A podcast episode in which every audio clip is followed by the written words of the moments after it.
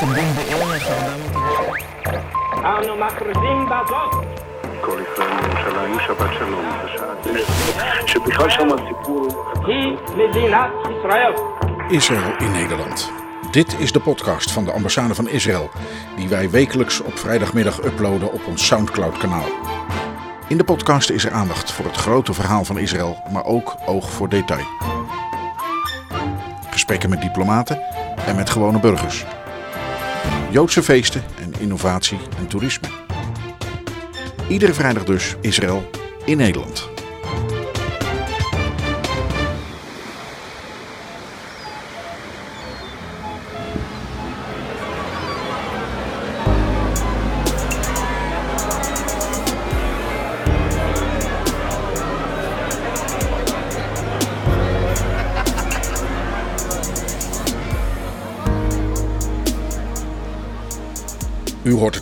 Dit is niet normaal. Zo beginnen we niet met een normale uitzending van onze podcast. En dat klopt. Nu de regio Midden ook vakantie heeft gekregen, is het zover. Vakantietijd. Wij vroegen ons als team op de ambassade af: wat gaan we doen? Ook met vakantie? Of gaan we door? Maar als we podcast blijven maken, hoe gaan we dat dan doen met onze eigen vakanties?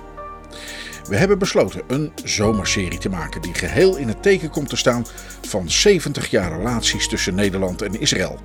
Want dat vieren we dit jaar. Tegelijk is het ook vakantie, dus het moet allemaal wel prettig beluisterbaar zijn.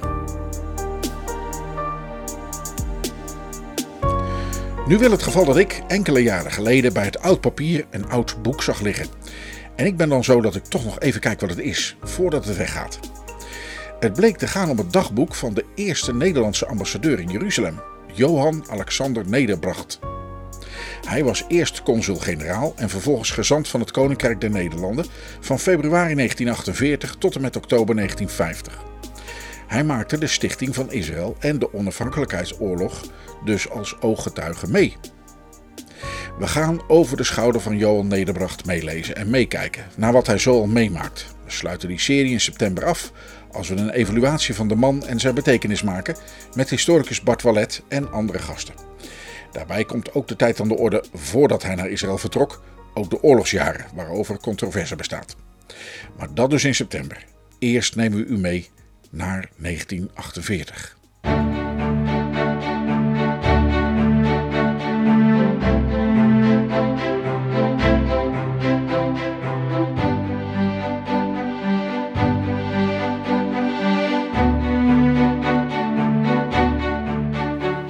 Voordat we beginnen moet ik nog even wat verduidelijken. We gaan lezen in een dagboek uit 1953. Een oud boek dus, waarbij ook de taal van toen is. Zo heeft ambassadeur Nederbracht het niet over beschietingen, maar over schieterijen. Vaak gaat het over Lake Success en dat is dan het plaatsje in de Amerikaanse staat New York, waar in 1948 onderhandeld wordt over een oplossing voor het conflict in het Brits mandaatgebied Palestina. Het gaat over truce, een bestand tussen strijdende partijen, en ceasefire, een staakt het vuren. En in de woorden van Nederbracht is een voorbereidende VN-delegatie een avant-garde der VN. En omdat hij een religieus man is, gereformeerd, zijn voor hem de Bijbelse verhalen deel van zijn dagelijkse realiteit. Als hij bij de Jordaan staat, die klein en modderig is, begrijpt hij de houding van de Syrische generaal Naaman uit het Bijbelboek Twee Koningen, die ook niet in zo'n miserig riviertje wil baden om van zijn melaatsheid af te komen. Het is even wennen, maar het is tegelijk ook de charme van deze duik in het verleden. De vorige keren volgden we hem op weg naar Jeruzalem. Dit is deel 3, de 14e mei 1948. De Joodse staat is uitgeroepen, de onafhankelijkheidsoorlog begint. Laten we meeluisteren hoe consul-generaal Nederbracht dat meemaakt.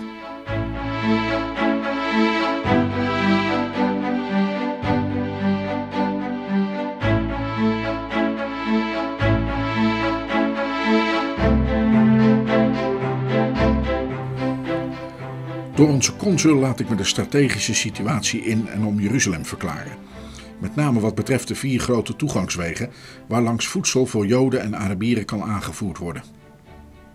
De noordelijke weg, vooral voor de Arabieren van belang, loopt langs de Yemin Moschee, dat daarom telkens zo verwoed door de Arabieren aangevallen en even verwoed door de Joden verdedigd wordt. De consul zegt dat de situatie voor Joden en Arabieren ongeveer gelijk is, maar dat is niet juist. Bij de Arabieren is overvloed, maar bij de Joden gebrek. De Joden trachten door christen tussenpersonen bij Arabieren te kopen. Voor kinderen is er geen druppel melk meer. Hoe aardappelen smaken kan men zich nauwelijks herinneren. In aansluiting aan de strategische les die hij mij geeft, peil ik zijn gedachten over de vooruitzichten der Joden, die hij niet gunstig vindt. Ik werp de gedachte van arbitrage op, die Joden en Arabieren zou kunnen helpen om zelf hun zaken in der minne te regelen. Het is eigenlijk een vermetele gedachte, maar niets mag onbeproefd gelaten worden om aan het bloedvergieten een einde te maken. Men kan niet weten hoe God hier uitkomst wil geven.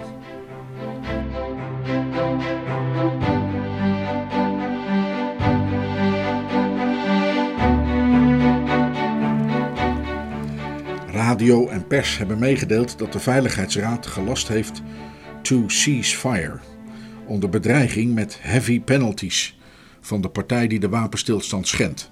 Des nachts is er echter in Jeruzalem nog hevig geschoten en zijn er wel tien kleinere ontploffingen gehoord.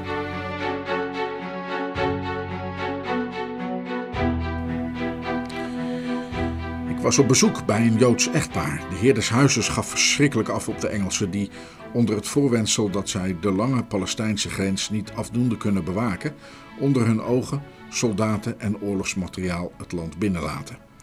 Mijn vriend vond dat ik er straks op de VN-vergadering eens een vertegenwoordiger van een klein land, bijvoorbeeld Nederland, moest opstaan om het Engelse schandaal aan de kaak te stellen. Ik geloof wel dat hij, wat de feiten betreft, gelijk heeft. Maar ik heb hem uiteengezet dat hetgeen hij gaarne zou willen niet kan. Men moet kunnen bewijzen wat men zegt. Een bewijs zou echter zeer moeilijk zijn. Nederland zou zijn positie onmogelijk maken als het Engeland publiekelijk een afstraffing gaf, al waren die ook verdiend, maar niet met argumenten te staven.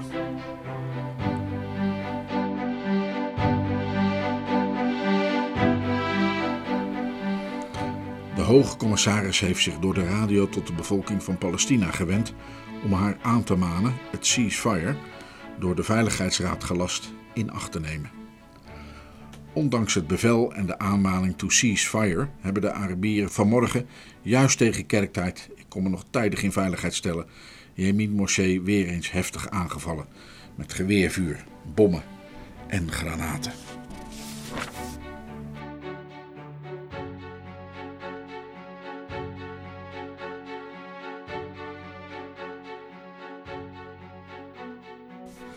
In de nacht is er iets grappigs, voor mij vervelends, gebeurd.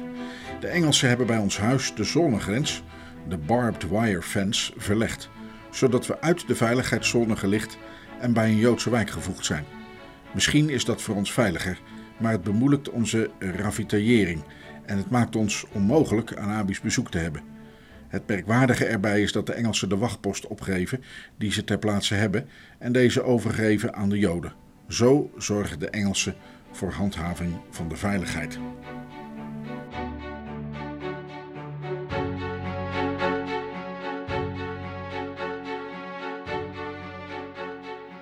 Ik had bezoek van iemand van de Jewish Agency, die eerst bij zijn vriend, de consul, was. Met het bekende motief dat men elkaar in zo lang niet gezien heeft, en daarna bij mij zijn opwachting kwam maken.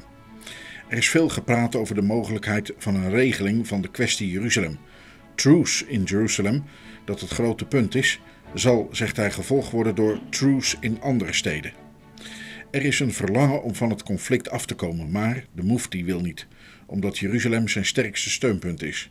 Kunnen, zo verzuchtte mijn bezoeker, een paar buitenstaanders niet ingrijpen? Kunnen de leiders der drie grote godsdiensten niet iets uitrichten? In een gesprek van de consul met enige andere Joodse heren was mijn naam genoemd. Maar men vraagt mij niets, men wil zich niet blootgeven. Vandaar dat ik er mij toe bepaal objectief mijn standpunt weer te geven. Ik teken hierbij aan dat de truce, de bestandsbesprekingen van de hoge commissaris, moeilijk kunnen gelukken omdat men de Engelsen niet voor onpartijdig houdt. Het is nachts weer heel rumoerig toegegaan aan de westgrens van Jeruzalem. Het resoneert in en om de stad zo dat men nooit kan uitmaken waar het geluid vandaan komt. Het moet wel weer in het westen of zuidwesten geweest zijn, niet ver van de plaats waar wij ons huis hebben. Wij wilden daar deze week intrekken, maar moeten daarmee nog even wachten. De situatie is daar namelijk als volgt. De Engelsen waren op het terrein en op het hoge huis naast ons.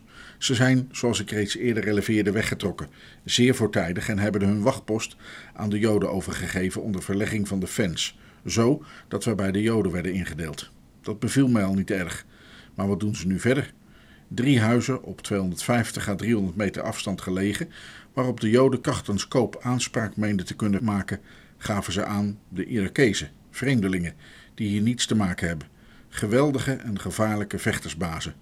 Het resultaat van deze Engelse grapjes is dat er nu voortdurend op de weg van het consulaat-generaal naar mijn huis geschoten wordt, terwijl botsingen tussen Joden en Irakezen te vrezen zijn in de naaste omgeving van ons huis.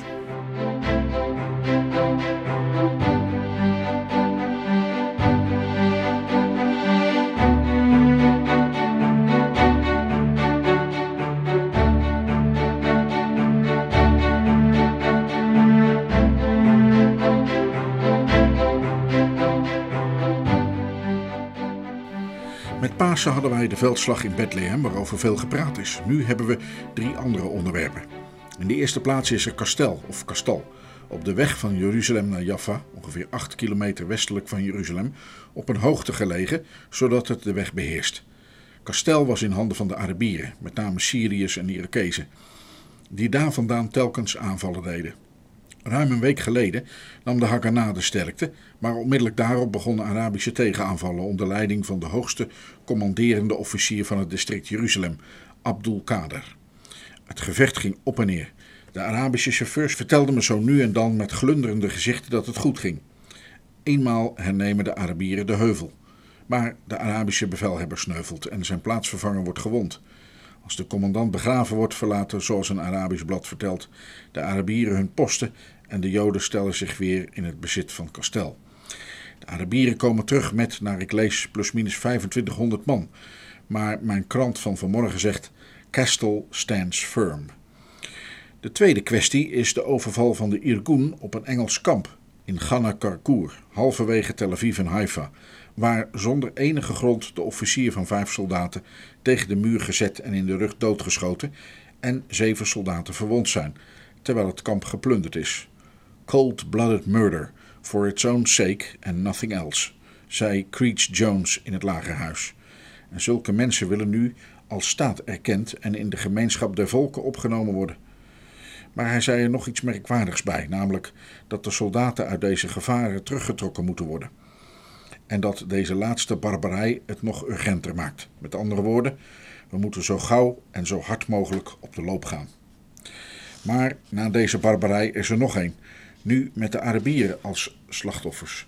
Volgens Arabische berichten, die niet tegengesproken zijn, hebben de Irgun en de Sternisten het vreedzame dorp Der Yassin, 1 à 2 kilometer ten westen van Jeruzalem, waar de Arabieren ongestoord omringd door Joden woonden, plotseling overvallen.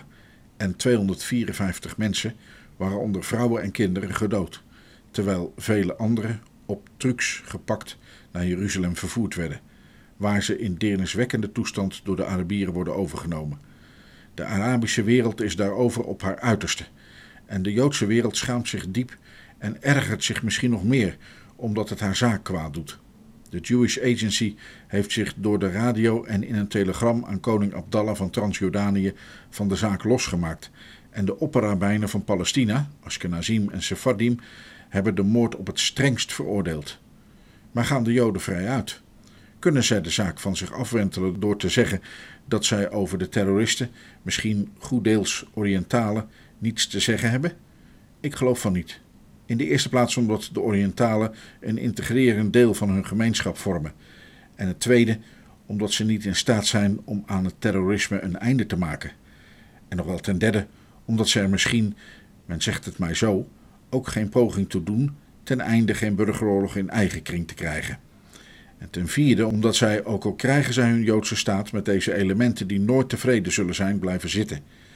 Ik laat nu daar of de mensen van de Irgun en de Sternisten meer zijn dan verergerde Haganah.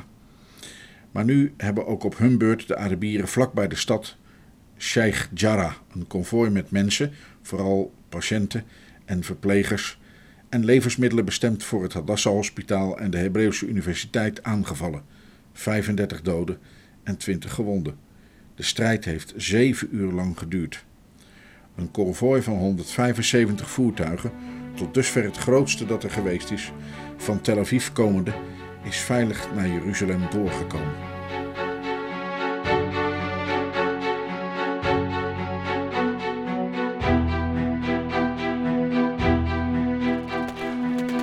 Groot kabaal in de omgeving van de YMCA.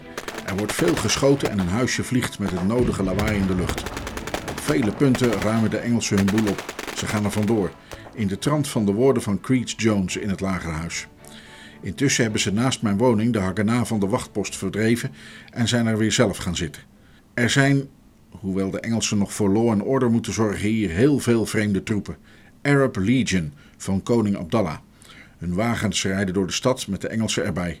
De houding der Engelsen is onbegrijpelijk en zeer laakbaar. In het parlement zegt Creech Jones dat ze niet voor 15 mei iets aan de VN-commissie kunnen overdragen, omdat de verantwoordelijkheid niet gedeeld kan worden. Het lijkt wel dat ze een vacuüm, een chaos willen scheppen, waartoe ze ontijdig hun diensten kunnen afbreken en aan niemand iets overdragen. In de regeringswijk is de lucht vol van verbrande papieren en men ziet er dagelijks hoe de Engelsen hun niet verbrande boeltje inpakken. En het is heden 17 april. Ze zijn nog vier weken van 15 mei verwijderd. Als curiositeit mogen ik vertellen dat als ik bij een Arabier aan een stalletje bij King David bananen koop, de man de vruchten verpakt in prachtige nieuwe enveloppen met het opschrift On His Majesty's Service. Dat is in meer dan één opzicht tekenend. Het belangrijkste feit van de laatste dagen is de aankomst uit Tel Aviv van een konvooi van honderden voertuigen, waarop onderweg geen schot is gevuurd. Van een beleg van Jeruzalem, waar honger onder de Joden begon te heersen, is voor het ogenblik geen sprake meer. Merkwaardig is dat voertuigen der Joden in konvooi naar de heilige stad trekkende soms deze bekende woorden tot opschrift hebben. Indien ik u vergeten, o Jeruzalem, zo vergeten mijn rechterhand zichzelf. In de nacht van zaterdag op zondag hadden we een van de ergste nachtelijke schieterijen die ik me herinneren kan, met geweren en kanonnen. Blijkbaar hebben Arabieren, Joden en Engelsen doelloos en nutteloos in het wilde weg op elkaar geschoten. Gelukkig vielen er weinig slachtoffers. Irakezen zitten op en in een gebouw dat naast het Amerikaanse consulaat gelegen is en houden ervan een carillon de tir te geven, waarop natuurlijk van de overzijde geantwoord wordt. De grote kwestie van de dag is intussen de slag om Haifa, waarin de Arabieren blijkbaar finaal door de Joden verslagen worden. Er schijnt een grote exodus van Arabieren uit Haifa te zijn, hoewel de Joden de rustige Arabieren geen overlast aandoen. Het is pas veertien dagen geleden dat ik bij een gesprek met vooraanstaande Joodse personen vrij sterk pessimisme, een soort moeheid, meende te constateren. Sedert hebben we de Joodse overwinning bij Kastel aan de weg Jeruzalem-Tel Aviv gehad. Daarna heldendaden bij Mishmar HaEmek, rechts van de weg Jeruzalem-Haifa, door welke gebeurtenissen pessimisme en moeheid zeker goed deels wel verdreven zullen zijn. Het eventuele restje ervan zal wel door de slag om Haifa zijn vernietigd. Kastel, Mishmar HaEmek, Haifa. Dat is het Joodse antwoord op het leeggepraat in leek succes. De Arabieren beginnen alarm te slaan met verdraaiing van feiten. Valt mij op dat zoveel Arabieren uit Jeruzalem wegtrekken. Dat was eerder al zo, maar sedert de slag om Haifa hebben de Arabieren helemaal de schrik in de benen. Van Joodse zijde zegt men: als wij willen, jagen we de Arabieren in één of twee dagen uit Jeruzalem, indien de Engelsen ons maar niet meer in de weg zitten. Het mogen overdreven zijn, ik geloof dat er iets waars in is.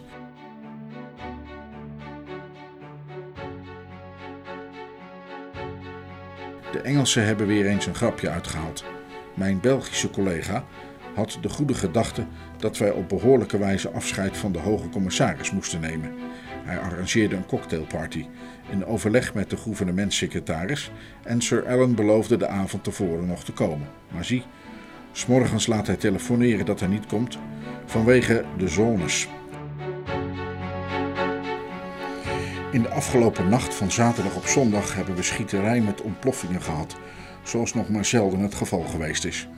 De radio brengt berichten over aanvallen van Joden op Jaffa, wat de Arabieren in de YMCA opnieuw onthutst. Als we naar de kerk gaan, zegt een soldaat bij de controlepost ons dat de Joden zojuist weer een armored car gestolen hebben. De kerk is ontvolkt, de hoge commissaris is er ook niet en de hoge officieren die we iedere zondag zagen ontbreken eveneens. Als we thuis zijn, is er in de buurt die we passeerden ineens weer schieterij met ontploffetjes. Op onze kamer komende vinden we deze onopgeruimd en de bedden onopgemaakt. Het vrouwelijke Arabische personeel is vanmorgen niet gekomen. Too much shooting, zegt men ons. Zo wordt het leven hier afgebroken.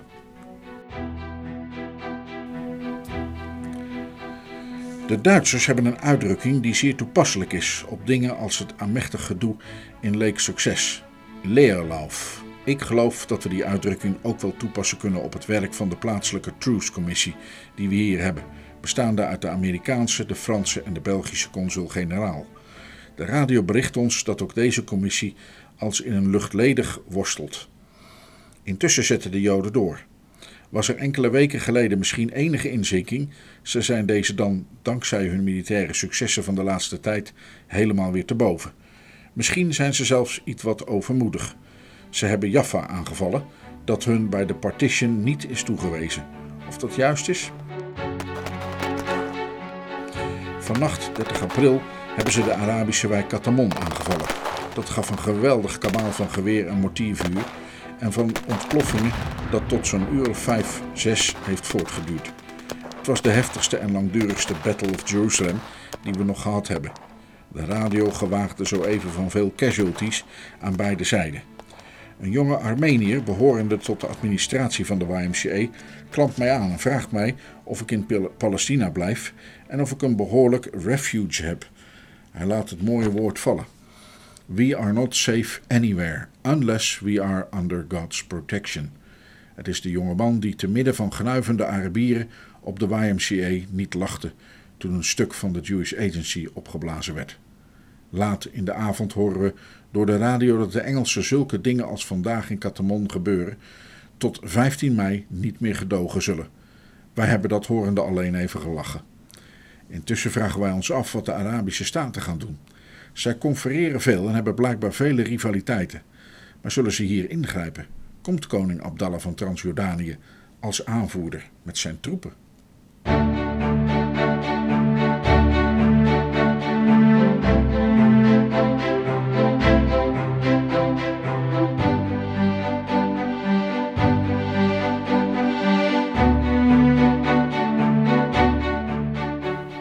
Men zegt mij dat naar mensen die uit Amman komen hebben waargenomen, Abdallah helemaal niet met zijn troepen naar Palestina op weg is. Van Joodse zijde bericht men mij voorts dat de Joden wel met de Puppet King tot overeenstemming zouden willen komen, zo dat hij de Arabische delen van Palestina krijgt. In dit licht zou men dan ook het telegram moeten zien dat de Jewish Agency onlangs aan de koning zond om zich los te maken van de zaken Der Yassin. Er was een beperking. Er was, er was een bespreking met de heer de Rijntier, die om een onderhoud verzocht had. Deze bespreking leidde niet tot veel resultaat. Al meende de heer de Rentier ook dat hij een prachtoplossing gevonden had. De consuls-generaal en hun naaste medewerkers worden met hoffelijkheid als gasten van het Rode Kruis in de YMCA toegelaten, mits zij zich als zuiver particuliere personen gedragen en zich dus in de YMCA geheel van hun ambtelijke kwaliteit ontdoen. Dat is misschien aanvaardbaar voor hen die geen chef de post zijn, maar voor chefs de post is het onaanvaardbaar. Men is 24 uur per dag in dienst van zijn regering en er is geen enkel ogenblik zuiver particulier persoon. Ik verlaat daarom de YMCA en neem mijn intrek in een pension waar ik vrij ben. Te doen waar ik vrij ben te doen en te zeggen wat ik wil en ook bezoeken te ontvangen naar eigen goedvinden.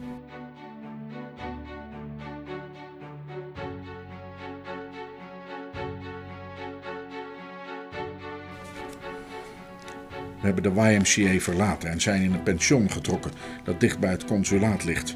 We hebben het drie maanden lang in de YMCA zeer goed gehad. Het was, want het gezelschap is uiteengestoven, een nationalistisch Arabisch centrum met internationale bijmenging. Wij hebben er de Arabische intelligentsia en bediening leren kennen. De Arabieren zijn over het algemeen mensen van flink postuur, met nette gezichten die echter met een zekere zoetigheid overgoten zijn, welke versterkt wordt door de fez met het kleine kwastje en het nog kinderachtiger kralensnoer, waarmee de mannen veelal spelen, alsof ze een rozenkrans bidden. De Arabieren zijn beleefd, maar zoveel het eenvoudige volk betreft tot afzetten geneigd. Ze kunnen niet organiseren en dirigeren. Ze hebben een hazenhart dat hen licht op de vlucht drijft. Al wat weg kan komen, verlaat Jeruzalem. Eén Jood jaagt, om zo te zeggen, 25 Arabieren op de vlucht.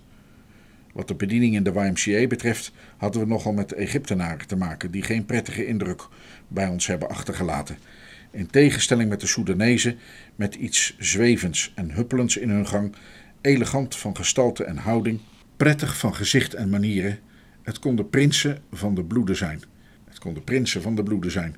Ik trof onder het personeel een man aan die half op een Egyptenaar, half op een Soedanees leek. Het bleek een Nubiër te zijn. Nubië ligt tussen Egypte en de Soedan. Inmiddels lopen al de Engelse ambtenaren weg. In hun bureau laten ze de deuren open, schrijfmachines op de tafels, de sleutel in de brandkast. Ieder kan wegnemen wat hij wil. Het schijnt dat de mandaatregering aan niemand verantwoording hoeft af te leggen.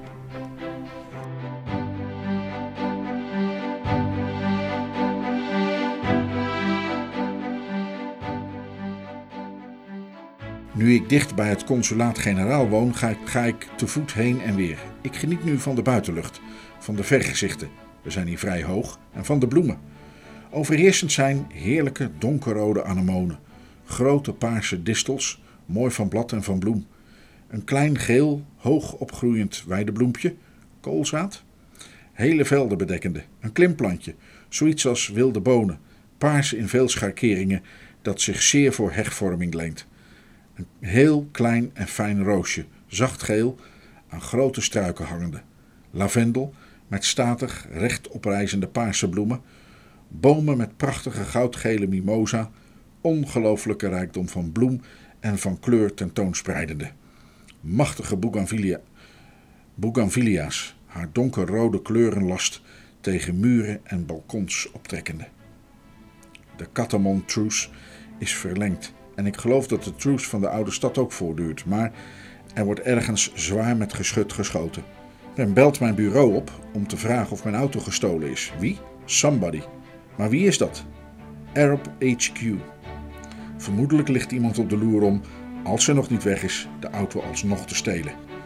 Wij hebben niet geantwoord.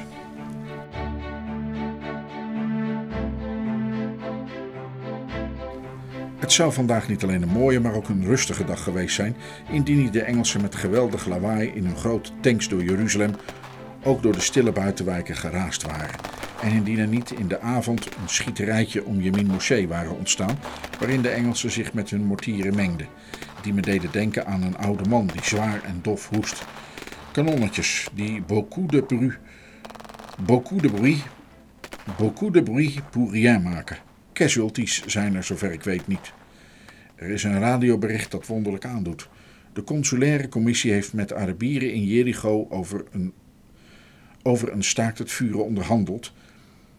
De consulaire commissie heeft met Arabieren in Jericho over een wapenstilstand onderhandeld, maar keerde met empty hands terug. Zij ontmoeten trouwens slechts mensen van de tweede rang. En nu zegt ons de radio dat vandaag de hoge commissaris, vergezeld van onder andere de chief secretary, dus hoog officieel, op zijn beurt ook naar Jericho geweest is en daar met hogere Arabische autoriteiten over truce onderhandeld heeft. Azam Pasha, de secretaris van de Arabische Liga, was de hoofdpersoon. En nu heet het dat de kansen voor wapenstilstand gunstig zijn. Daarom moet nu de consulaire commissie in de schaduw gesteld worden.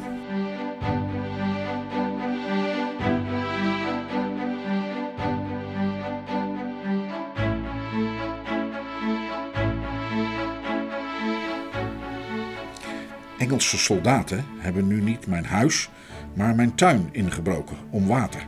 Ze worden blijkbaar wel met eten, maar niet met water verzorgd. Ze wassen en scheren zich in mijn tuin en op mijn terras. Elders maken ze het nog erger, maar naar men mij vertelt, en wassen zij zich ook hun voeten in de watertanks op de daken, waaruit de bewoners van water voorzien worden, ook om te drinken.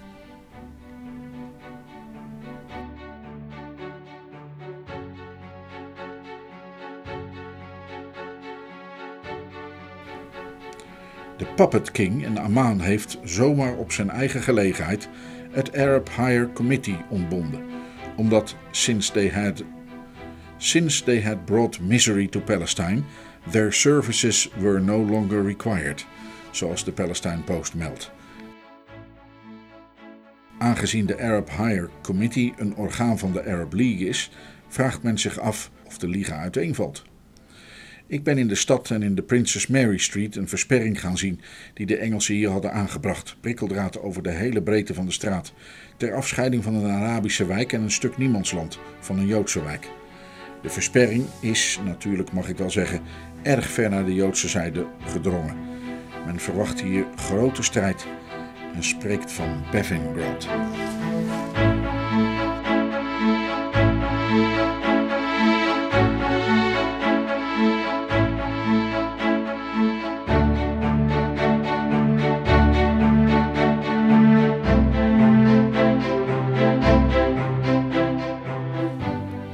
Vanmorgen was het interessant. Het is nu inmiddels 14 mei geworden. De hoge commissaris heeft het Government House om 8 uur verlaten. Ik heb hem uit de verte zien vertrekken. Reusachtige veiligheidsmaatregelen waren genomen, tot op een breedte van zeg een halve kilometer. Vliegtuigen cirkelden boven de hoofden, zeker ter opluistering van dit, glorio- van dit glorieloos vertrek. Zeker ter, oplo- zeker ter vliegtuigen cirkelden boven de hoofden, zeker ter opluistering van dit glorieloos vertrek. Op het Government House is de Union Jack neergehaald. De rode, de rode kruisvlag zal er straks gehesen worden. Die vlag wappert al op het, op, het, op het King David Hotel en op de YMCA. Dan gaat de telefoon en komen verontruste berichten binnen. De Engelsen hebben alvorens weg te gaan nog eens in mijn huis ingebroken. We trekken erheen. De berichten blijken juist. Met groot geweld hebben ze de afsluitingen geforceerd, zijn weer in alle kamers geweest, hebben goederen en levensmiddelen geroofd, alle water weg laten lopen, het huis bevuild. Als we hen erover aanspreken, hebben anderen, hun voorgangers, het gedaan. Maar wij vinden een mooie matras bij hun pakkage en een tweede in een kleine loods waar ze dagelijks werken. En mijn vrouw haalt kussens onder hen vandaan. En in een buurhuis vinden we tins terug die ze weggeschonken hadden. Een dame die ons heeft getelefoneerd, hebben ze met stukken zink van het dak willen treffen en haar met schieten bedreigd. Het verlies is niet groot, maar het vandalisme ontstellend. Er is niet voldoende orde en tucht in het Engelse leger, naar het schijnt. Wij laten een wacht achter, die blijven moet totdat de snaken vertrokken zijn. Als we op het consulaat-generaal komen, zien we dat ook daar, naast ons, de Engelsen gereed zijn voor vertrek. We wachten hun aftocht af en gaan dan, daar we niet, daar we niet weten wat gebeuren gaat, liever naar huis. Maar we hebben nog geen tien stappen gestaan of we zien dat de Haganah het grote gebouw naast ons bureau gaat bezetten. En even later horen we van onze wacht dat de Haganah ook de post naast onze woning heeft bezet. Dat betekent veiligheid. Met een omweg nog geen 10 minuten van het consulaat-generaal is zonder aankondiging het ceasefire dat de Arabieren reeds eerder geschonden hadden radicaal ten einde. Een grote slag om Jeruzalem ontwikkelt zich, die voor de Joden gunstig schijnt te verlopen, maar de kogels vliegen overal en het is zaak binnen te blijven. Rode kruiswagens, Red Shield, Magen David, dat is Davids schild in het Hebreeuws, van de Joden rijden ook in onze buurt af en aan. Ook deze Joodse dienst is weer in orde. Het schieten duurt soms met grote hevigheid, maar naar we horen met weinig casualties. Dat wil zeggen doden en gewonden. Tot zes uur. Dan wordt, althans van Joodse zijde, het vuur afgelast en wordt het gaandeweg stil. Helaas is een lichtkabel stuk geschoten en hebben we vanavond weer helemaal geen licht. Ook geen radio, zodat we geen berichten krijgen. Later op de avond bij kaarslicht.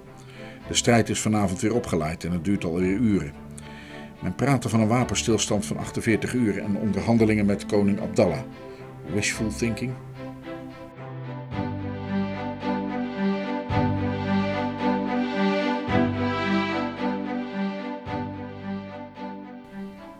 Zo zijn we dan eindelijk bij de historische datum van 15 mei aangekomen. De nacht is onrustig geweest, voortdurend schieterij. Als alles volgens de plannen is gegaan, is Sir Allen vannacht precies 12 uur met de Euryalus in de zee gestoken. Het mandaat is ten einde, omdat Engeland het neergelegd heeft. Van plaatsen in de stad waar men vanmorgen alweer elektriciteit en dus ook radio had, zijpelt tot ons door dat gisteravond de Joodse staat is uitgeroepen, nog voordat de sabbat begon.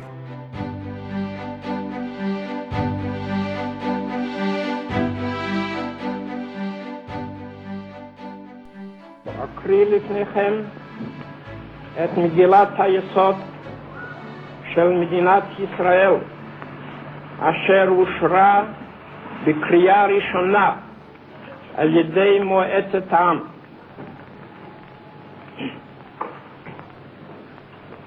בארץ ישראל קם העם היהודי, בה עוצבה דמותו הרוחנית, הדתית והמדינית, בה חי חיי קוממיות ממלכתית, בה יצר נכסי תרבות לאומיים וכללגי היישוב העברי והתנועה הציונית. ביום קיום המנדט הבריטי על ארץ ישראל. ובתוקף זכותנו הטבעית וההיסטורית ועל יסוד החלטת עצרת האומות המאוחדות אנו מכריזים בזאת על הקמת מדינה יהודית בארץ ישראל. היא מדינת ישראל.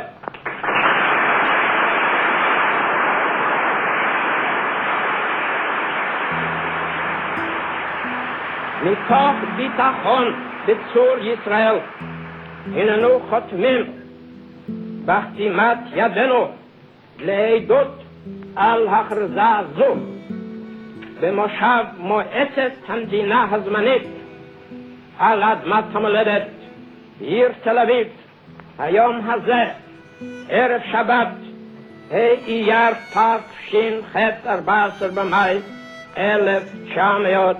1948 נקבל את מגילת היסוד למדינת היהודים בעמידה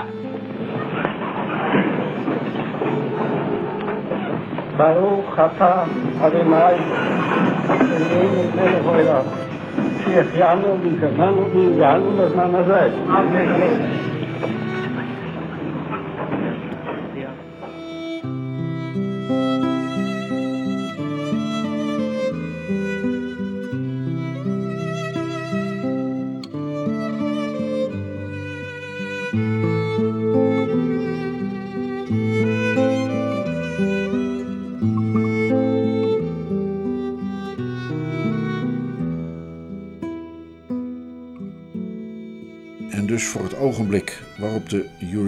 Met Sir Allen het ruime sop koos, dat deze staat onmiddellijk daarop door Amerika, Truman, is erkend. Dat vervolgens de gezamenlijke Arabische staten, de Joodse staat, de oorlog zouden hebben verklaard. Dat Spitfires Tel Aviv hebben gebombardeerd. En inmiddels wordt er hier in de stad, nabij en veraf, geweldig gevochten. Nog eens, s'avonds bij kaarslicht. Ik verneem nu waarom het ceasefire van gisteravond mislukt is. De Arabieren dorsten niet op de plaats van samenkomst, het Franse consulaat-generaal, verschijnen. Nu zou men het vanavond nog eens proberen, tussen 7 en 10 uur. De Joden, zich sterk voelende na successen van gisteren en heden, zeiden: Goed, dan schieten we niet, ook al blijven de Arabieren schieten. En zo hadden we drie uur van eenzijdig Arabisch schieten. De laatste berichten zijn dat nu vannacht om 1 uur een ceasefire van 2 maal 24 uur zal beginnen. Er mag dus tot 1 uur van beide zijden geschoten worden. Maar tevens waarschuwt men ons van Joodse zijde de ramen vannacht open te zetten, want het kan zijn dat men een gebouw opblaast in welks luchtlijn wij liggen. Dat moet dan voor 1 uur nog even geschieden. Andere berichten van vanavond zijn: de Joden hebben een eenzame nederzetting ten zuiden van Bethlehem tegen een grote Arabische overmacht moeten opgeven. En de weg Jeruzalem-Tel Aviv moet vrij en het eerste konvooi onderweg zijn. Dit laatste is uiterst belangrijk als het juist is.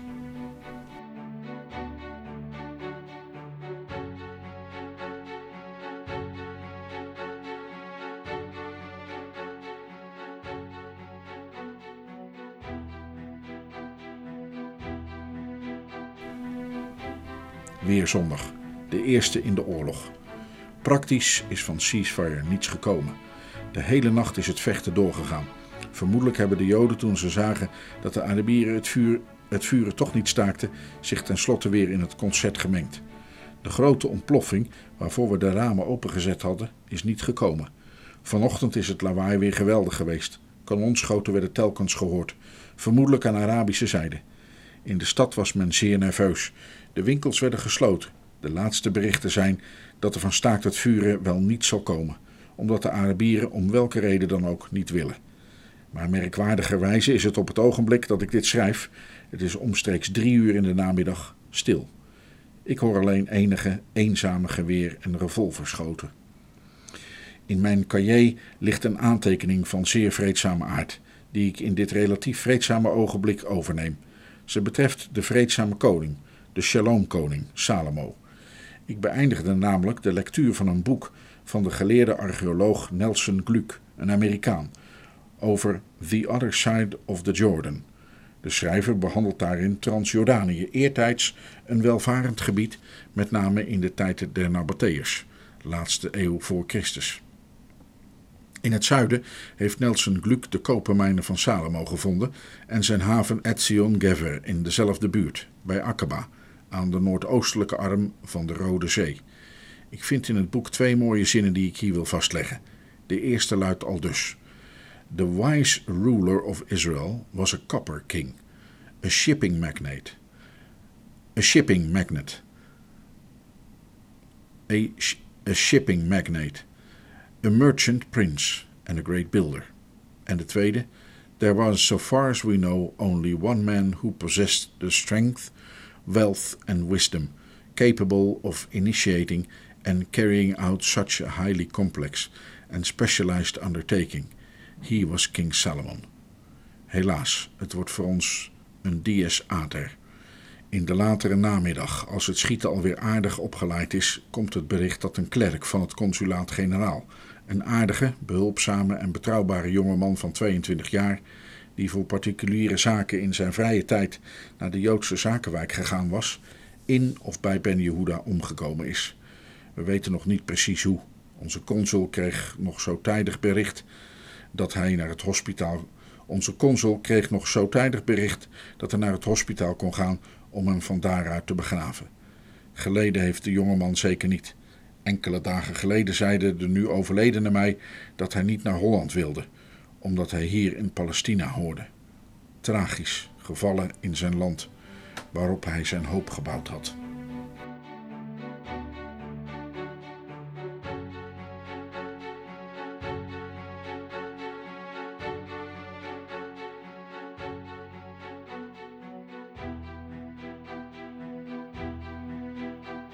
Wat zal ik van de wijze waarop Engeland zijn taak vervuld heeft zeggen?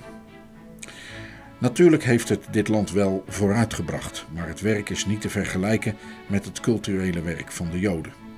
Historisch staat vast dat de Engelsen aan Joden en Arabieren beloften gedaan hebben die met elkaar streden, en dat het beruchte White Paper van 1939 hun positie onhoudbaar gemaakt heeft. Men verwijt hun ten eerste dat ze ten onrechte Palestina onder het Colonial Office gebracht en als een kolonie van onmondigen geregeerd en bestuurd hebben.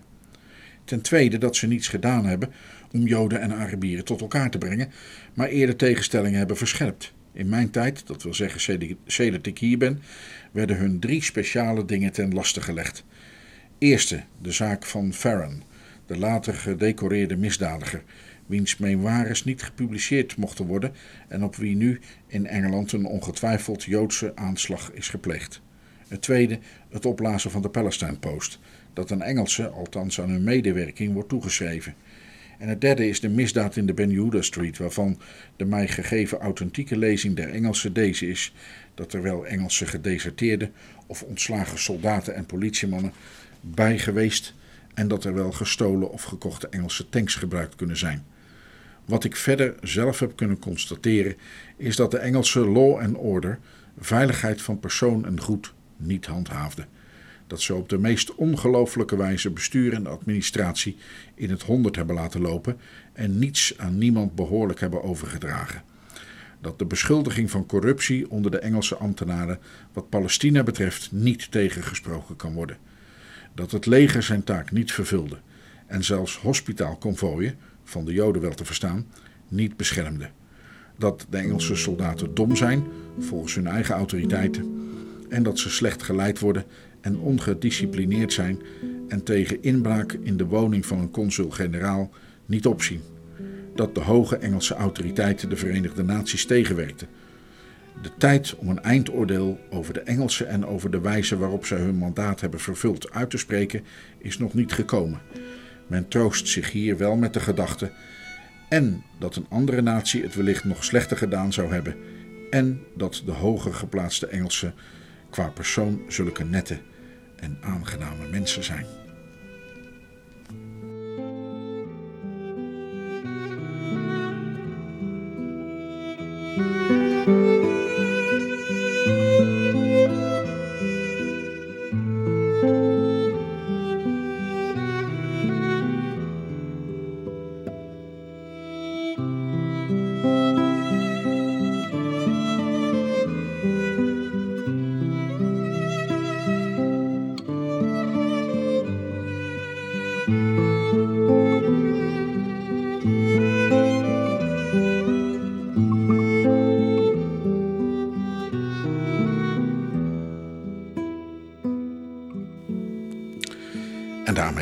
Het einde van deze aflevering van Israël in Nederland, deel 3 van onze speciale zomerserie over Johan Nederbracht, de eerste officieel vertegenwoordiger van Nederland in Israël. Volgende week deel 4. De oorlog is in volle gang.